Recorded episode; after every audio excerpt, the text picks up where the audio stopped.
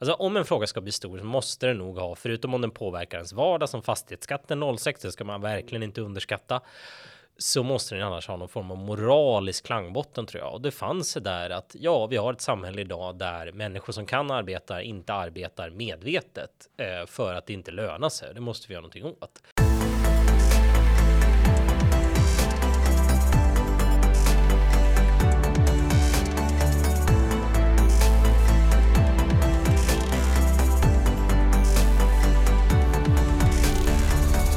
Per Rosenkrantz har mångårig erfarenhet av opinionsarbete. Tidigare har han arbetat som strategi och opinionschef på Moderaterna, som analyschef i Demoskop och som opinionsanalytiker vid Dagens Nyheter. Idag är han public affairs-konsult och partner på Nordic Public Affairs. Varmt välkommen till Uppskattat Per! Stort tack Christian, stort tack. Väldigt trevligt att ha dig här. Eh, vi ska prata lite om opinionsläget som ju du är expert på och sen ska du få sia lite om framtiden. Jag tänker att vi tar avstamp i den partiledardebatt som TV4 höll eh, när det här eh, spelades in för två veckor sedan och eh, då som var i början av februari. Eh, och den handlade väldigt mycket om lag och ordning och klimatet. Eh, och det är prioriterade frågor hos väljarna vad jag förstår när Novus har mött, eh, mätt detta. Eh, jobb och sysselsättning kom först på en åttonde plats och ekonomi landade på tionde plats. Eh, är det bara vi på Skattebetalarnas förening som bryr oss om ekonomi och jobb och sånt? Nej, det är det nog inte, utan jag tror att alla bryr sig väldigt mycket om det. Det är väl mest det att eh, de flesta har ett jobb Eh, och eh, de flesta upplever nog att privatekonomin, förutom några punkter som vi kan komma in på, har blivit bättre de senaste åren. Eh, och ja, då, då finns det andra stora samhällsproblem som man är mer orolig över. Eh, men när det gäller ekonomin så måste man säga att den kommer ju in i den här debatten ändå, för vi har bensinskatten, vi har energipriserna, så klimatdiskussionen har ju till del blivit en fråga som handlar om egentligen skatter och ekonomi. Mm. Men det är inom ett annat ämnesområde om man säger så. Men när vi tittar till exempel på, jag tror att jag såg en eh, långtgående mätning av Demoskop, sån här tracking över frågor, så var ekonomi och jobb på en lägre nivå nu än Eh, på många, många år. Och då har vi ändå nu i januari, då har vi ändå haft ändå en diskussion i någon månad om bostadsmarknaden och räntor och sånt där. Men ja, svenska hushåll och väljare är fortfarande har tillförsikt för ekonomin. De känner inte att det här är de stora problemen just nu. Nej. Och det beror på att för de allra flesta så är arbetsmarknaden ganska bra och, det, det, finns kompetensbrist på, på, flera håll i samhället, inte minst då för kvalificerade jobb. Och så är räntorna sensationellt låga och det är det som spelar in, tänker du? Ja, jag tror det spelar jättestor roll och, och när det gäller arbetslösheten så finns det ju eh, vi har ju en hög långtidsarbetslöshet och det, det här vet ju du bättre, mm. bättre än jag, men, men, men det är en utmaning när vi har sån uppdelat uh, arbetsmarknad att skillnad mot för kanske om vi går tillbaka till valet 2006 uh, då jobbfrågan var en av de viktigaste i valet. Uh, då kände nästan alla någon som inte hade ett jobb men som man visste skulle kunna jobba. Mm.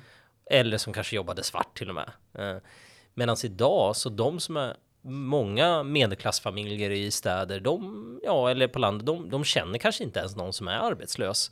Eh, för de som är arbetslösa, det är en annan grupp samhället som kanske bor i utanförskapsområden eller så.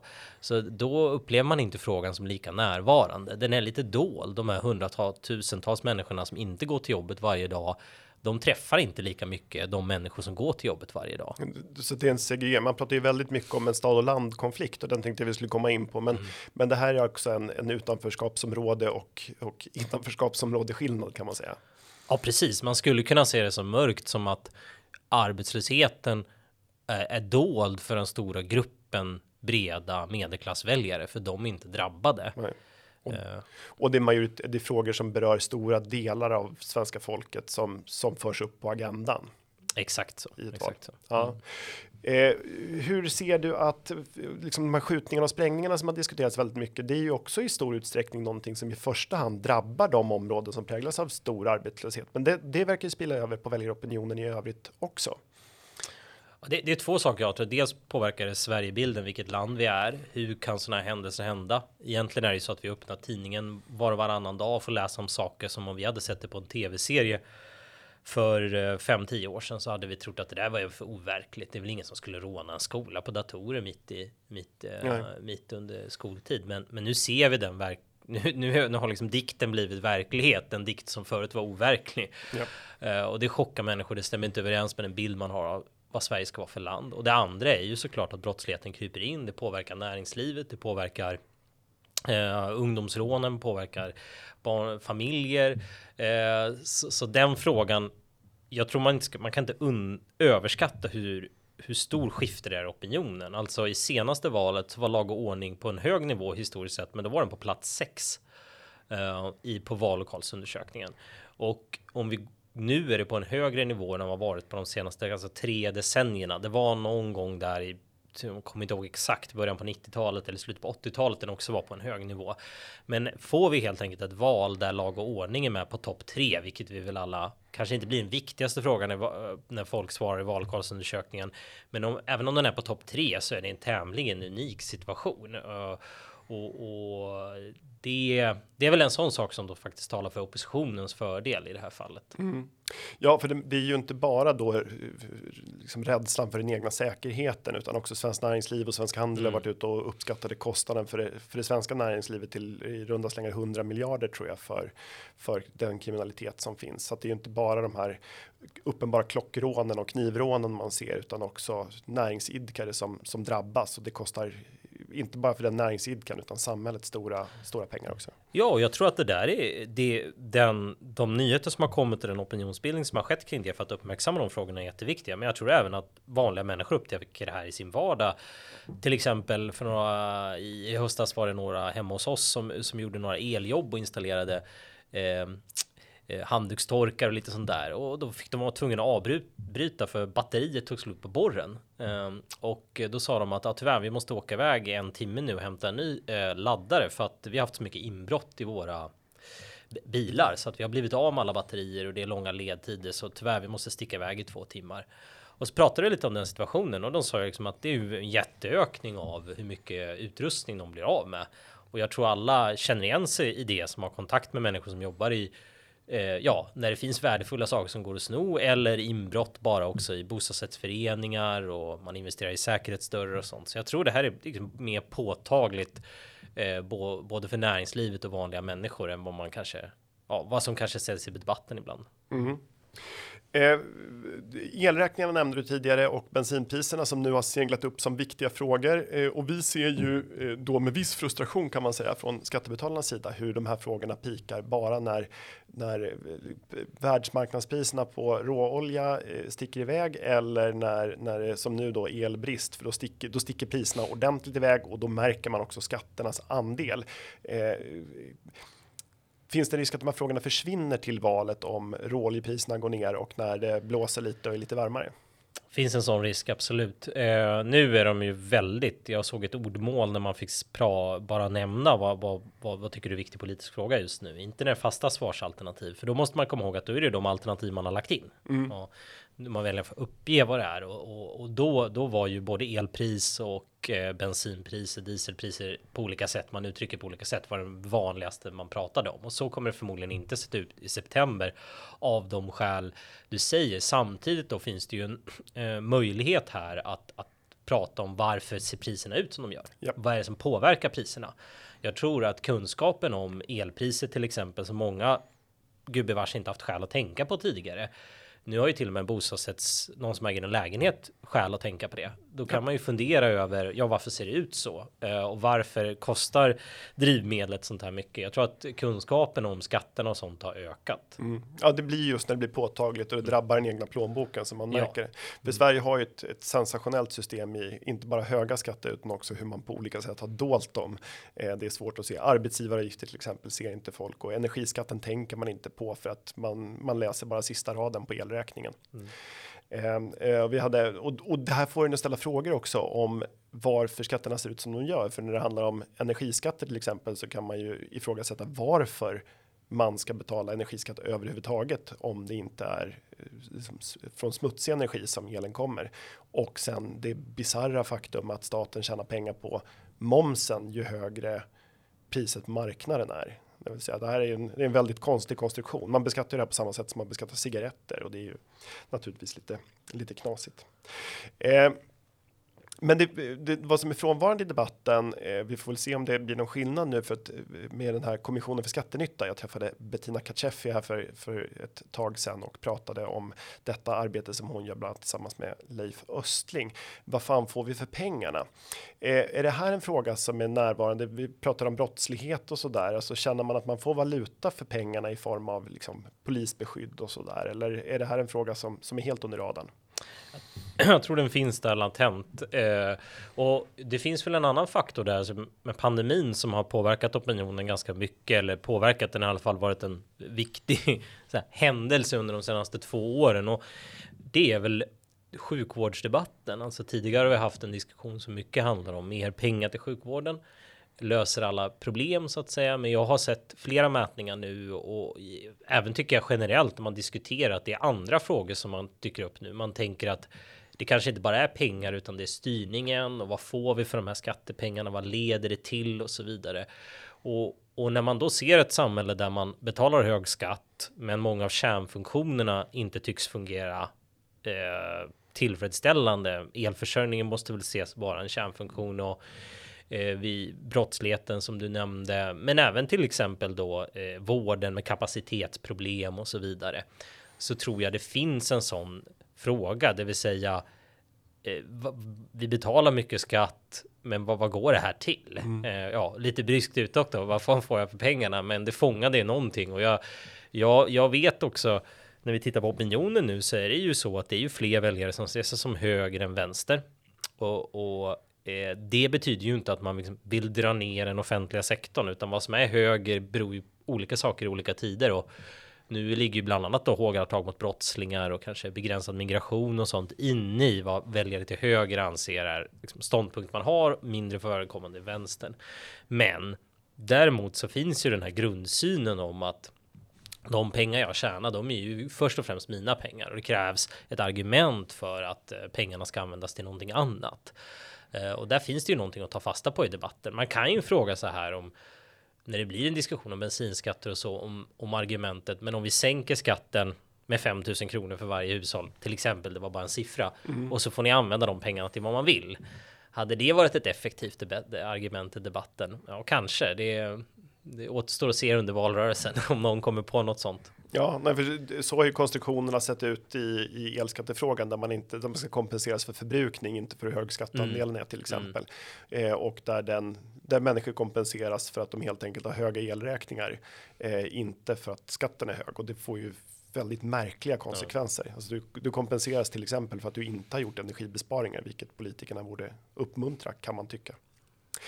Eh, finns det någon chans att andra frågor, jobbskatteavdraget var ju en sån här fråga som var på tapeten inför valet 2006. Eh, men där ser vi väl inte så mycket offensiva förslag från, från oppositionen?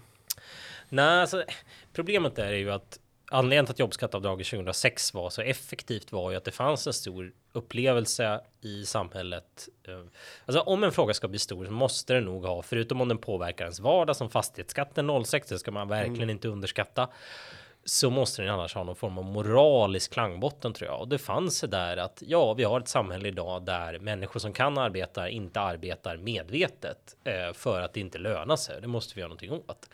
Det argumentet idag är ju inte lika tydligt. Jag tror inte många skulle känna igen sig i den beskrivningen. Däremot när man hör om att det finns grupper som tar eller personer som tar emot bidrag och som där det inte lönar sig att gå till jobbet. Det finns ju fortfarande och det är väl det som bland annat Moderaterna försöker rikta in sig på med bidragstak och sänkt skatt och på, på för eh, lägre inkomstgrupper och så. Eh, återigen bekymmer, det tror jag jättemånga håller med om. Man, gör. de har säkert mätt det där och det tycker folk är jättebra med bidragstak och, och, och sänkt inkomst, äh, sänkt inkomstskatter för, för de grupperna. Problemet är att det berör ju inte dem, väljarna. Eh, och de kanske inte... Inte, inte mer nej, indirekt i alla fall. Nej, indirekt. Alltså de, de, tycker det är bra, men man kanske inte... Det ligger lite längre ifrån en själv. Mm. Eh, och det är väl utmaningen med den här liksom, arbetslinjen idag. Eh, hur, hur, ska man liksom återinföra den till, till centrum, så att säga? Det är... det är svårt, för det är en helt annan situation än inför valet 06. Exakt så. Mm. Mm. Eh, det, fastighetsskattefrågan sägs ju ha avgjort valet 2006 eh, till del i alla fall. Eh, det här märker man ju att Socialdemokraterna inte jättegärna gärna vill prata om. Det har varit flera förslag från Miljöpartiets partistyrelse var för en återinförd fastighetsskatt. Eh, Vänsterpartiet har alltid varit för en återinförd fastighetsskatt eh, och det var många socialdemokratiska distrikt som inför deras partistämma föreslog det här och man märkte en tydlig nervositet från partiledningen eh, när den här frågan dyker upp. Eh, är det är fastighetsskattefrågan en sån som återigen kan avgöra ett val om den skulle dyka upp? Det tror jag säkert den skulle. Mm. Det skulle den säkert kunna göra, särskilt om vi tittar på vad vet vi nu? Jo, vi vet att uh, uh, och Stockholms stad, Stockholms län till exempel, där vi har ju så en sån skatt skulle kunna slå som mest. Eh, där har idag då eh, har, har de rödgröna, om man nu ska gruppera ihop partierna på det sättet, gått framåt lite. Eh, tänk dig då givetvis om du äger ett radhus eller en villa i Vallentuna och står och väger mellan rösta på Moderaterna och Socialdemokraterna till exempel, där vi vet att den här finns sådana väljare. Vi spelar en sån här sak roll. Mm. Eh, absolut. Eh, men därför kommer väl S att göra Magdalena Andersson kommer väl att sätta ner foten och inte vilja driva den frågan helt enkelt. Mm. De har försökt. Jag törs inte vara. Jag törs inte riktigt lita på dem. Jag är mm. inte säker på att den här frågan är död och begravd. Det finns ju. Vi har ju fortfarande ett fastighetsregister och vi har en kommunal skatteavgift mm. som gör att man ganska snabbt. Den går ju att skruva upp som den är eller att man gör en reformering, men man är inte sugen på att göra en valrörelse. Men det man inte minst från regeringshåll då pratar om desto mer är ju att de, det är dags för de rika att bidra. Ja. Eh, trots att vi har bland världens högsta marginalskatter så, så är, det, är det i fokus. Är det här en valvinnare att prata om eh, höjda förmögenhetsskatter och höjda inkomstskatter på, på lite högre inkomster? Det, jag tror att parti till vänster kan tro att det är en valvinnare. Jag tror också för att se den logiken lite grann bara att även om det finns socialdemokrater som är oroliga för en sån debatt så om Vänsterpartiet och kanske då Miljöpartiet driver den så kommer de bli rädda för det finns en opinion. Mycket har även då inspirerat av den internationella debatten och den amerikanska debatten. Eh, väljare till, till vänster och mitten helt enkelt som, som vill se det här. Eh, och, och, och då det skulle kunna pressa S plus att efteråt ska de ju förhandla ihop en regering. Vänster, det här kanske är en av de saker som Vänsterpartiet kommer kräva. Och då tror jag att Eh, partierna till, till höger och mitten måste ha ett mod i att driva mot de frågorna. För det svenska folket har ändå ett kollektivt minne av eh, hur de här skatterna har fungerat förut och det är ju kraftigt negativt och jag menar en sån enkel sak som bankskatten nu tycks ju ha lett till det är ditt, du vet säkert bättre. Christian, men eh, bara som enkel tidningsläsare kan man ju slå sig till att ja, vad har det lett till då? Jo, att, att, att vi har att priserna skjuts över på konsumenterna. Ja. Och, och det märker ju folk. Det är nu, inte som att det finns idag. en stor skattkista i banken som de Nej. öser ur istället, utan det överförs till kunderna. Och, och jag är rätt övertygad om att den stora gruppen väljare som rör sig till om mitt all, inte alla svenskar, men det är inte alla svenskar som, som kommer rösta på partiet till höger och mitten, men till, till höger och mitten och även då mittenväljare är ganska övertygade om att mer skatteintäkter kommer inte lösa de stora samhällsproblem som Sverige står inför. För då hade de redan varit lösta och det säger sig självt när det gäller lag och ordning att det inte bara är resursbrist som är Nej. problemet. Och det andra är att eh, man vet också att det här kommer leda till oförutsedda konsekvenser som man inte har tänkt på. Och jag tycker också att en skillnad i Sverige jämfört med den internationella debatten det är att bilden av eh, de personer som har blivit rika är lite mer positiv i Sverige på grund av ja, helt enkelt att eh, man ser att det är företag och entreprenörer som har bidragit till svensk utveckling. Det finns inte den här negativa beskrivningen eh, av personer som har byggt upp en förmögenhet, utan snarare bland ungdomar så finns det liksom en, en positiv syn på det eh, idag på ett helt annat sätt än vad det fanns tidigare. Så jag tror att eh, Eh, från ett borgerligt håll om man säger så så skulle man nog hoppas på även om det kanske var dåligt för Sverige men för valtempot eh, lite sådana förslag och vi såg vad som hände när man föreslog en skatt på ISK. Ja. Det hade man nog inte räknat med. Jag blev själv förvånad måste jag säga hur stark och kraftig det alltså, det var en riktigt kraftig reaktion från folket. Ja. Och, och, jag tror också att det finns en sån term som fortfarande används i tidningar som är så här miljonärer. Mm. Men låt oss vara ärliga. Miljonär idag det är inte ett tecken på förmögenhet, utan det är ett tecken på en kontantinsats. Ja. Eller att kunna köpa sitt hus när man är pensionär, betala av det så man kan leva på sin pension med en avbetald villa som tidigare generationer har kunnat göra.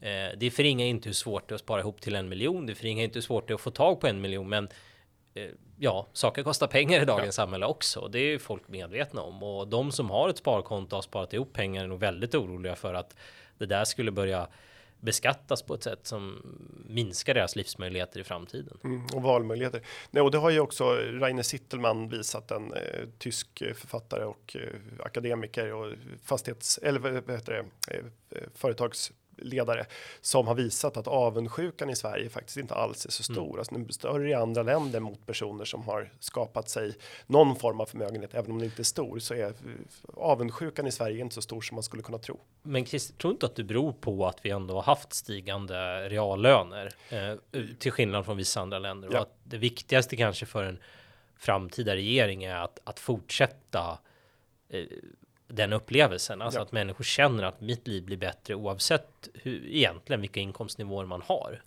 Ja, och sen vi har haft stigande reallöner sedan 90-talet och jämfört till köpkraft idag så har ju en vanlig svensk det långt mycket bättre än för 30 år sedan. Mm. Alltså det är ju fler, mer än dubbelt så mycket pengar tror jag man har på fickan idag som som man hade då.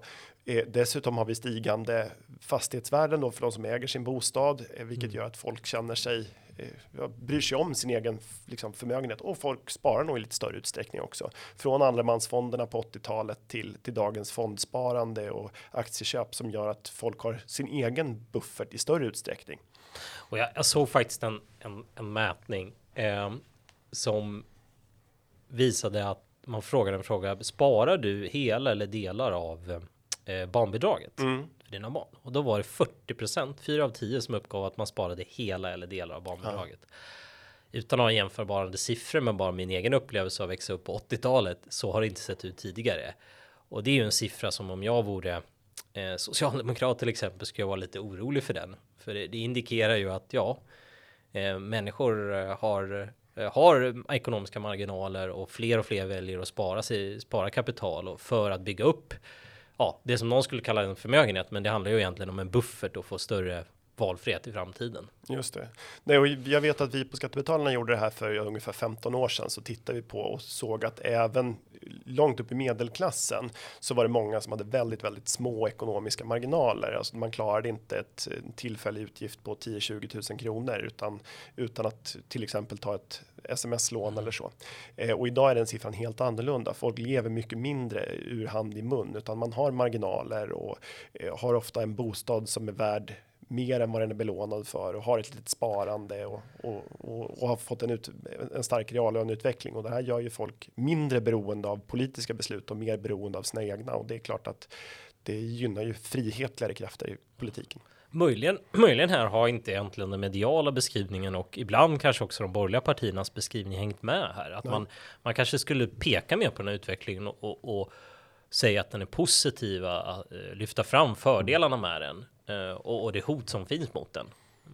Mm. Ja, men det, tidigare högerledaren eh, var det Jarl Hjalmarsson som pratade om ägarkapitalism. Mm. Att det var, fanns någon, en poäng i att äga sin bostad och sin egen bil och, och, att man rår sig själv så att säga. Att det skapar fria medborgare som törs ta modiga val. Ja, och där ser vi väl en tendens också i ett, en förändrad syn på aktiesparande och hela, hela den biten.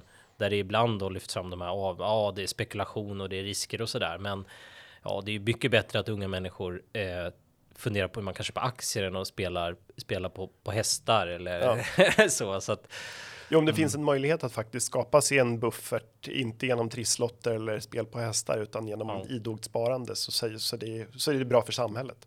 Verkligen. Eh, och sen får man gärna spela på hästar och trissa om man känner för det. Men ja, det är klart ja, det att det är ett säk säkrare sätt att skapa sig en buffert att spara i, i, i aktier eller fonder.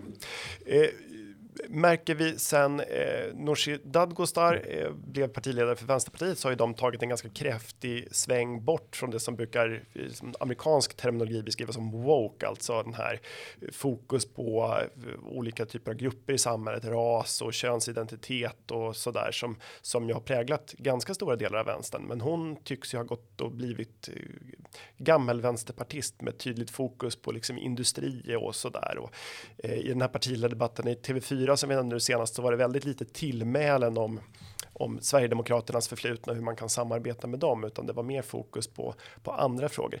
Eh, ser vi wokismens död nu eller kommer den tillbaka?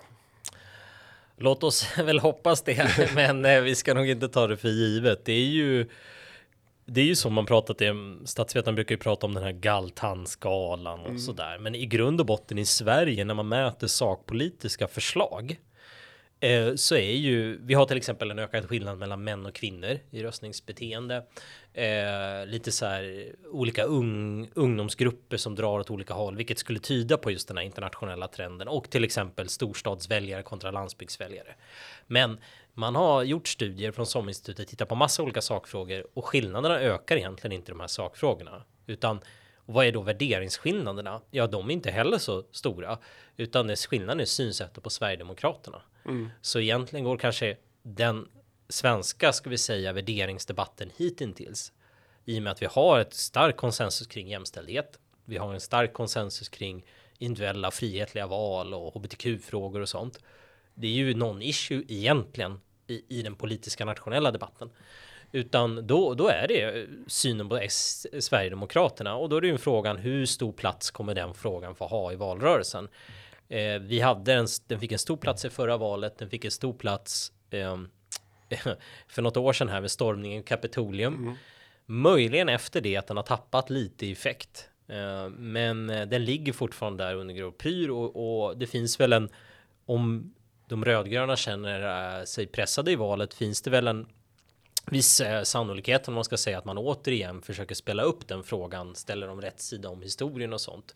Och då får vi en debatt som handlar om det här, vem ska prata med vem istället för att prata om sakfrågorna och samhällsproblem. Så det ser jag i närtid som det stora, vad ska vi säga, hotet från den debatt vi såg i TV4 som var sakfrågeorienterad till en debatt som mer handlar om vad ska vi säga? Ja, känslor. Känslor. Mm. Mm. Ja, för den här Galtan-skalan du nämner var ju väldigt på tapeten för några år sedan eh, mm. och den går väl i huvudsak ut på att tidigare har den, den, politiska skalan beskrivits i termer av liksom framförallt ekonomi ja. eh, och möjligen individuell frihet och att Nagaltan-skalan snarare beskriver någon slags känsloläge om man uppfattar sig som en, en modern och progressiv tänkare eller om man är fast i, i mm. gamla. Någon har elakt kallat den för ond god skalan, det vill säga det är alldeles uppenbart att man man kategoriserar väljare efter hur, hur goda eller onda man uppfattar dem. ja. Jag tycker att det var en, en ganska pregnant beskrivning som, som men, men kanske intressant som kompletterande eh, fakta. Hur eh, kommer regeringsfrågan vara den som avgör valet? Tror du, eller kommer det vara sakfrågor som blir det viktigaste? Oj, oj, oj, jag tror sakfrågorna kan bidra till att avgöra mm. regeringsfrågan, men det är ju så. Eh, för att regeringsfrågan ska få en väldigt stor betydelse så måste det vara tydliga alternativ för väljarna. Eh, och där är väl eh, juryn eller vad vi ska säga än så länge ute. Vi har ett tydligt alternativ till höger och mitten. Eh, Moderaterna, Kristdemokraterna, Liberalerna och Sverigedemokraterna. Eh, det kommer ju inte vara så tydliga alternativ som inför valet 06, mm. men ändå där har vi ett tydligt alternativ och sen det andra alternativet är ju med eh, Miljöpartiet och Vänsterpartiet eh, och Socialdemokraterna och, och, Centerpartiet. Där råder en oenighet bland dels bland de enskilda väljarna och hur man ser på det samarbetet.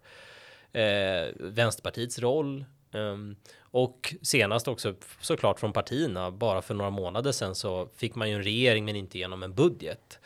Eh, dock så brukar det ju vara så att de partier som inte har en tydlig position i regeringsfrågan, det vill säga väljarna vill veta vilken statsminister man får om man röstar på ett visst parti. De brukar det gå sämre för i valrörelsen. Eh, om det råder en otydlighet om det så är det så överskuggar det lite grann sakfrågorna. Man mm. kan se det som en meny Eh, om vi tänker på tidigare i förra valet till exempel så var det många väljare som eh, valde, med, valde Moderaterna men sen, som första alternativ. Men sen tänkte man nej, men jag röstar på Kristdemokraterna i det här valet och så frågar man om varför. Så framkom det att ja, men de lyfter försvarsfrågan, de lyfter kärnkraften och några gick till Liberalerna och så frågar man dem varför så var det ja, värnskatten och försvaret. Det är svårt att minnas nu, men det var ju det mm. Jan Björklund faktiskt pratade yep. ganska mycket om. Så det var frågor som drev då eh, väljare som egentligen tänkte att de skulle rösta på Moderaterna till de partierna. Så det är en meny där man plockar inom sitt eget alternativ. Jag har bestämt mig idag ska jag äta vegetariskt, men vad ska jag äta? Mm, mm, mm. och det är ungefär så det ser ut. Så eh, på så sätt så kommer ju spelar ju regeringsfrågan en stor roll, men sakfrågorna avgör vilket parti eh, man väljer inom respektive alternativ. Mm. Hur, eh, Centerpartiet har haft svårt att förklara den här breda mitten som man vill etablera och kanske pratar allt mindre om det. Finns det en möjlighet tror du att, eh, att visa för väljarna att en sån position skulle existera i svensk politik? Utmaningen i det, det ligger ju i att för väljarnas vidkommande så är det ju så att om man höger och vänster är väldigt viktigt. Alltså väljarna grupperas över tid nästan alltid på höger och vänster och mellan val så ökar andelen som ses som mitten och så krymper det närmare valet. Eh, och det visar all valforskning och då är det ju så att om man är till vänster och mitten, då kommer man nog tycka att det här med Vänsterpartiet är inte så farligt. Så angelägenheten då av att liksom klippa av Vänsterpartiet och Miljöpartiet och skapa en M, C, S-regering kanske inte så brinnande. Och samtidigt om man är till, till, till höger om mitten, uh, ja, då, då kanske det skaver lite grann att Socialdemokraterna ska ha statsministerrollen. Mm. Så frågan är ju hur attraktivt det här egentligen blir. Det är det ena. Och det andra problemet såklart, det är ju uh, att uh, hur trovärdigt är det när de ingående parterna då, Socialdemokraterna och Moderaterna inte vill ha det här alternativet. Så då står man ju där lite själv. Det är en sak om man är S hade sagt att de ville bilda en regering över blockgränsen med Moderaterna. Det hade ju liksom en sak, men om man har 6-8 procentenheter det är inte lika trovärdigt att man ska vara den regeringsbildaren. Och den sista faktorn tror jag det är att det finns en risk här att budskapet om i regeringsfrågan överskuggar budskapet i sak. Ja. Eh, Centerpartiets nisch tidigare i politiken, det var att vi driver ett antal sakfrågor som oftast var ganska marknadsliberalt orienterade. Eh, men vi säger också nej till Sverigedemokraterna. Om man ersätter det med att säga vi säger ja till mittregering, nej till V och SD. Och så kommer sakfrågorna i skymundan. Mm. Då, då tror jag man missar lite grann poängen. Då gör man bisak till huvudsak. Jag tror sakpolitiken måste vara i fokus och sen kan det andra vara en extra krydda, alltså en extra sak. Men nu har den här mittenpositionen blivit alena det stora för dem och det tyckte jag syntes i TV4s debatt där Annie Lööf då som är en duktig debattör hade lite svårt att göra sina poänger eftersom att det mer handlade om att vi ska komma överens istället för att jag tycker de här sakerna tydligt vad man tycker vad man får och det får gärna vara saker man får konflikt med andra partier om. Eh, så jag är lite tveksam till deras valstrategi. Om de inte ändrar på den så tror jag att de, de kommer göra ett sämre val eh, 2022 än vad de gjorde 2018. Mm, mm, intressant. Eh, det finns ju partier som är utanför riksdagen idag. Det har pratats nu senaste tiden en del om det här partiet Nyans som ska lyfta islamofobi och afrofobi säger de och förbjuda delar av yttrandefriheten genom att, att man ska få göra rondellhundar och sånt där. Eh, har ett sånt här parti någon chans att komma in? Alltså vi har ju ändå en, en, en, del av svensk befolkning, inte minst då som är ganska nyinvandrad. Finns det möjlighet för ett sånt parti att ta plats i, i riksdagen tror du? Jag tror inte det. Eh, det, det, bygger eh, i grund, grunden är det jättesvårt att komma in i riksdagen mm. överhuvudtaget ska sägas. Men man måste bygga en bredare koalition av väljare, alltså fyra procentenheter av svenska folket eller att då få jättemycket från en enskild valkrets det, det kräver en, en, ganska bred grupp eh, och ett inneboende problem för den här typen av för nyans till exempel. Det är väl att man försöker eh, det är ju ett identitetsparti egentligen för eh, den grupp de vill säga sig representera. Men inom den gruppen så är det ju inte så enkelt som att alla muslimer i Sverige känner en samhörighet med varandra, utan samhörigheten handlar ju ofta, inte för alla, men för vissa, om klan och etnicitet och sånt. Eh, och jag tror att det kommer vara svårt. Jag är ingen, absolut ingen expert på, på, på eh, den typen av liksom, klanstruktur. Men jag tror att det, liksom, det, är svårt att förenas i att ja, vi, vi representerar alla som bor i förorten Eh, det, är liksom identiteten ligger inte där, utan jag tror att identiteten ligger mer med sin etnicitet och sin egen etniska bakgrund och klan ja. och så. Det tror jag att kommer, de kommer ha en utmaning med att nå bredare. Eh, ja, och, och, och, rent helt enkelt politiska preferenser som ligger utanför partipolitiken. Vi har ju, jag menar, de väldigt ja. många. Det finns ju muslimer i alla svenska partier Exakt. idag som ja. som tycker sig vara socialdemokrater, moderater eller folkpartister eller till och med sverigedemokrater som som det tycker sig själva kunna förena det med med något annat parti och där det övertrumfar då någon slags etnisk eller religiös tillhörighet. Och sen, men däremot så, så finns det väl en risk då för Socialdemokraterna är ju väldigt, väldigt starka i, i flera av de områden där Nyans då vill slå sig in. Och det är klart att de kan tappa lite röster där. Så det finns ju en sån risk, särskilt lokalt. Mm. Eh, ett annat parti som som väl har försökt komma in, eh, dels Medborgerlig Samling eh, som väl satsar mycket på på ja, som som kategoriserar sig som ett borgerligt parti, så liberalkonservativt. Eh, har de någon chans att komma in? De sitter i några kommunfullmäktigeförsamlingar. Har de någon chans att få en representation i riksdagen? Nej, det är nog väldigt svårt för dem. Det Eh, vi såg, nu kommer jag inte ihåg exakta siffrorna, men det är ju lite grann ett sånt där internetfenomen eh, som är en bra lektion i att man kan vara ganska stor på nätet. Det fanns ju ett annat parti och nu lik, ställer jag absolut inte dem. Det finns ju alternativ för Sverige eh, såna avhoppare från Sverigedemokraterna. Li likheten är att de var stora på internet. Kan man Exakt säga. så. Mm. Jag likställer dem inte som i deras ideologi på något sätt. Och, de var eh, väl eh, alternativ för Sverige är väl snarare ett etnonationalistiskt parti. Ja, säga. precis, precis. Och de, de var ju bland de största partierna på nätet enligt vissa mätningar och de fick ju ändå då eh, extremt få väljare ja. på valdagen och jag tror med Medborgerlig Samling kan många eh, borgerliga allmän kan finnas en sympati bland många allmänborgerliga väljare för några av deras budskap eh, och särskilt då förra mandatperioden när man var tydligt mot decemberöverenskommelsen.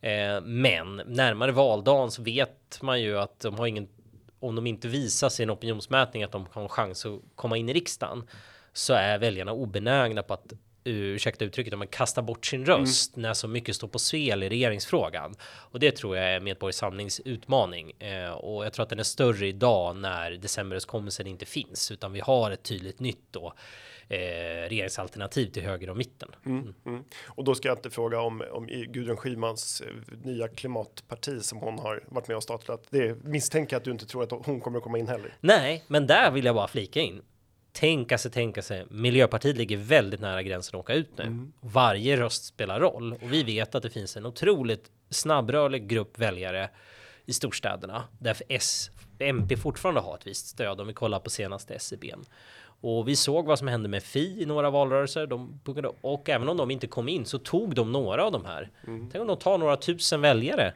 av Miljöpartiet i Stockholms stad. Det kan vara den marginal som avgör att de närmar sig riksdagsspärren. Så mm. att ja. Ja, vi ska börja runda av, men hur åker stannar Miljöpartiet kvar i riksdagen efter valet? 65% sannolikhet skulle jag ge att de stannar kvar. Mm. Eh, Liberalerna? Ja, förut, för innan jul så trodde jag med 70% sannolikhet att de skulle åka ur. Men jag tycker Nyamko Sabuni har visat nu, dels senaste debatten, dels med eh, att man gick emot med pandemifrågan. Eh, man vågar, vågar få ta en position där man får uppmärksamhet och nu att hon är tydlig med att det är det här regeringsalternativet som gäller. När man är tydlig med det, då är man, öppnar man upp sig som jag beskrev för de allmänborgerliga väljarna. Så nu tror jag med 70% sannolikhet att man klarar sig. Mm, mm. Och vem, vad, vem, vad heter Sveriges statsminister i, efter valet i september? oj, oj, oj. Det här är ju, jag måste bara säga det. det, det, det är Osvuret är bäst va? Osvuret är bäst, men jag tänker faktiskt ge ett svar för att det här är ett, det är ett jätte eh, tufft val. Eh, och jag vet att, att många kan tycka att det är så, så mycket som har varit stökigt i mandatperioden. Det är mycket saker som inte fungerar, som man vill i samhället. Hur kan ändå det gå så bra för Socialdemokraterna? Men om vi summerar S, MP och, och, och V så är det på en rekordlåg nivå eh, sammanlagt. Eh, och det betyder att de måste få stöd från ett till parti för att bilda regering och man är också helt nödvändigt att MP ska åka ut. Och jag tycker det här är osäkert. Det är osäkert hur de ska få ihop det med Centerpartiet. Det är också osäkert om MP kommer in i riksdagen. Det talar för Ulf Kristersson som statsminister och de andra faktorerna jag tycker talar för det är att eh, det finns flera, men några av de viktigaste är faktiskt sakfrågorna som ser på den senaste debatten i TV4. Det talar för oppositionen.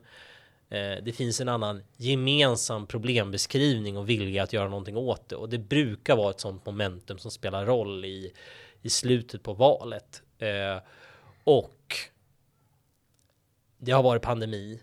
Det har gynnat regeringen. Det har täckt över andra sakfrågor. En enda sak vi vet i september 2022 det är att då kommer inte pandemin vara överst på agendan. Mm. Eh, utan då kommer det vara annat och det tror jag också gynnar eh, oppositionen. Så jag säger det blir Ulf Kristersson. Mm. Eh, med 68% sannolikhet. 68, det var exakt.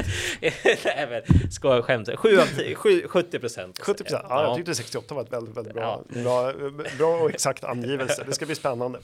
Eh, vad kul, och då får vi se. Helst hade jag sett att valrörelsen hade handlat om höga marginalskatter eller och skatter på arbete och företagande, men det kanske man inte ska önska sig. Eh, kommer det vara regeringsfrågan i kombination då med som kriminalitet som avgör? Mm. Men jag tycker ändå det du är inne på där. Vi vet att plånboksfrågor spelar roll. Det finns alltså en grupp mittenväljare. Uh, de väljare som inte har valt regeringsalternativ just nu, de är ju, då är ju inte det att om Sveriges demokraterna ska få inflytande och sånt, då hade inte det, om det var en avgörande fråga, då hade de redan bestämt sig. Mm. Det har de inte. Vi vet att de en majoritet av de som kan tänka sig byta block brukar bestämma sig i slutet på valet. Det är då man börjar ta in liksom, verkligen följer och vill ja, kolla vad, vilka alternativ som är bäst. Då vet vi att plånboksfrågor spelar roll. Vi vet till exempel att eh, Socialdemokraterna fick genomslag för sitt utspel om familjeveckan i förra valet. Vi vet att eh, Kristdemokraterna lyckades nå igenom med sitt utspel bland annat om kärnkraft och sånt där. Så att det gäller att det borgerliga alternativet och inte minst Moderaterna som faktiskt var lite svaga där i förra valet har spetsiga förslag som når ut till väljarna under valåret, men särskilt i, i valrörelsen eh, som kan få uppmärksamhet eh, och det kan fälla avgörandet på marginalen. Jag ser mm. inte att de flyttar de stora väljargrupperna, men för de väljare som ännu inte har bestämt sig så vet man ju efter ny information vilket alternativ man ska lita på eh, och eh, trampar V och S och C, MP menar jag fel där med någon skatte på eh, hus eller annat. Eh, då kan det vara det som tippar över, men kan borgerligheten hitta på något förslag som eh, man faktiskt. Eh, ja, nu har vi bensinfrågan, men det kan ju vara någonting annat. Det kan vara någonting med inkomstskatterna som får fäste. Ja, då kan det tippa över så att eh, på marginalen spelar de där frågorna stor roll, även om det inte är de stora samhällsproblemen som vi diskuterar. Då hoppas vi att det är många partiarbetare som lyssnar på detta och kan med fördel då vändas till Skattebetalarnas förening för att få inspel på förslag som kan tippa majoriteten åt rätt håll i skattefrågan. Eh, jättetrevligt att ha dig här Per. Stort tack för att du gästade oss och upplyste oss. Tack så jättemycket. Jättetrevligt. Tack uppskattat. Det är en podcast från Skattebetalarnas förening. Vi arbetar för låga och rättvisa skatter, rättssäkerhet för skattskyldiga och minskat slöseri med skattepengar. Vi bildar opinion och folkbildar i skattefrågan och vi lever som vi lär och tar bara emot frivilliga bidrag. Uppskattar du podden och vill medverka till att Sverige blir ett land med minskat slöseri och rimligare skatter så stödjer du oss enklast genom att bli medlem. Läs mer och bli medlem på www.skattebetalarna.se bli medlem. Tipsa också gärna andra om podden och rekommendera dem att lyssna. Betygsätt oss också gärna på den lyssningstjänst som du använder så hjälper du oss att få fler lyssnare och nå ett ökat genomslag. Till nästa vecka. Ha det så bra.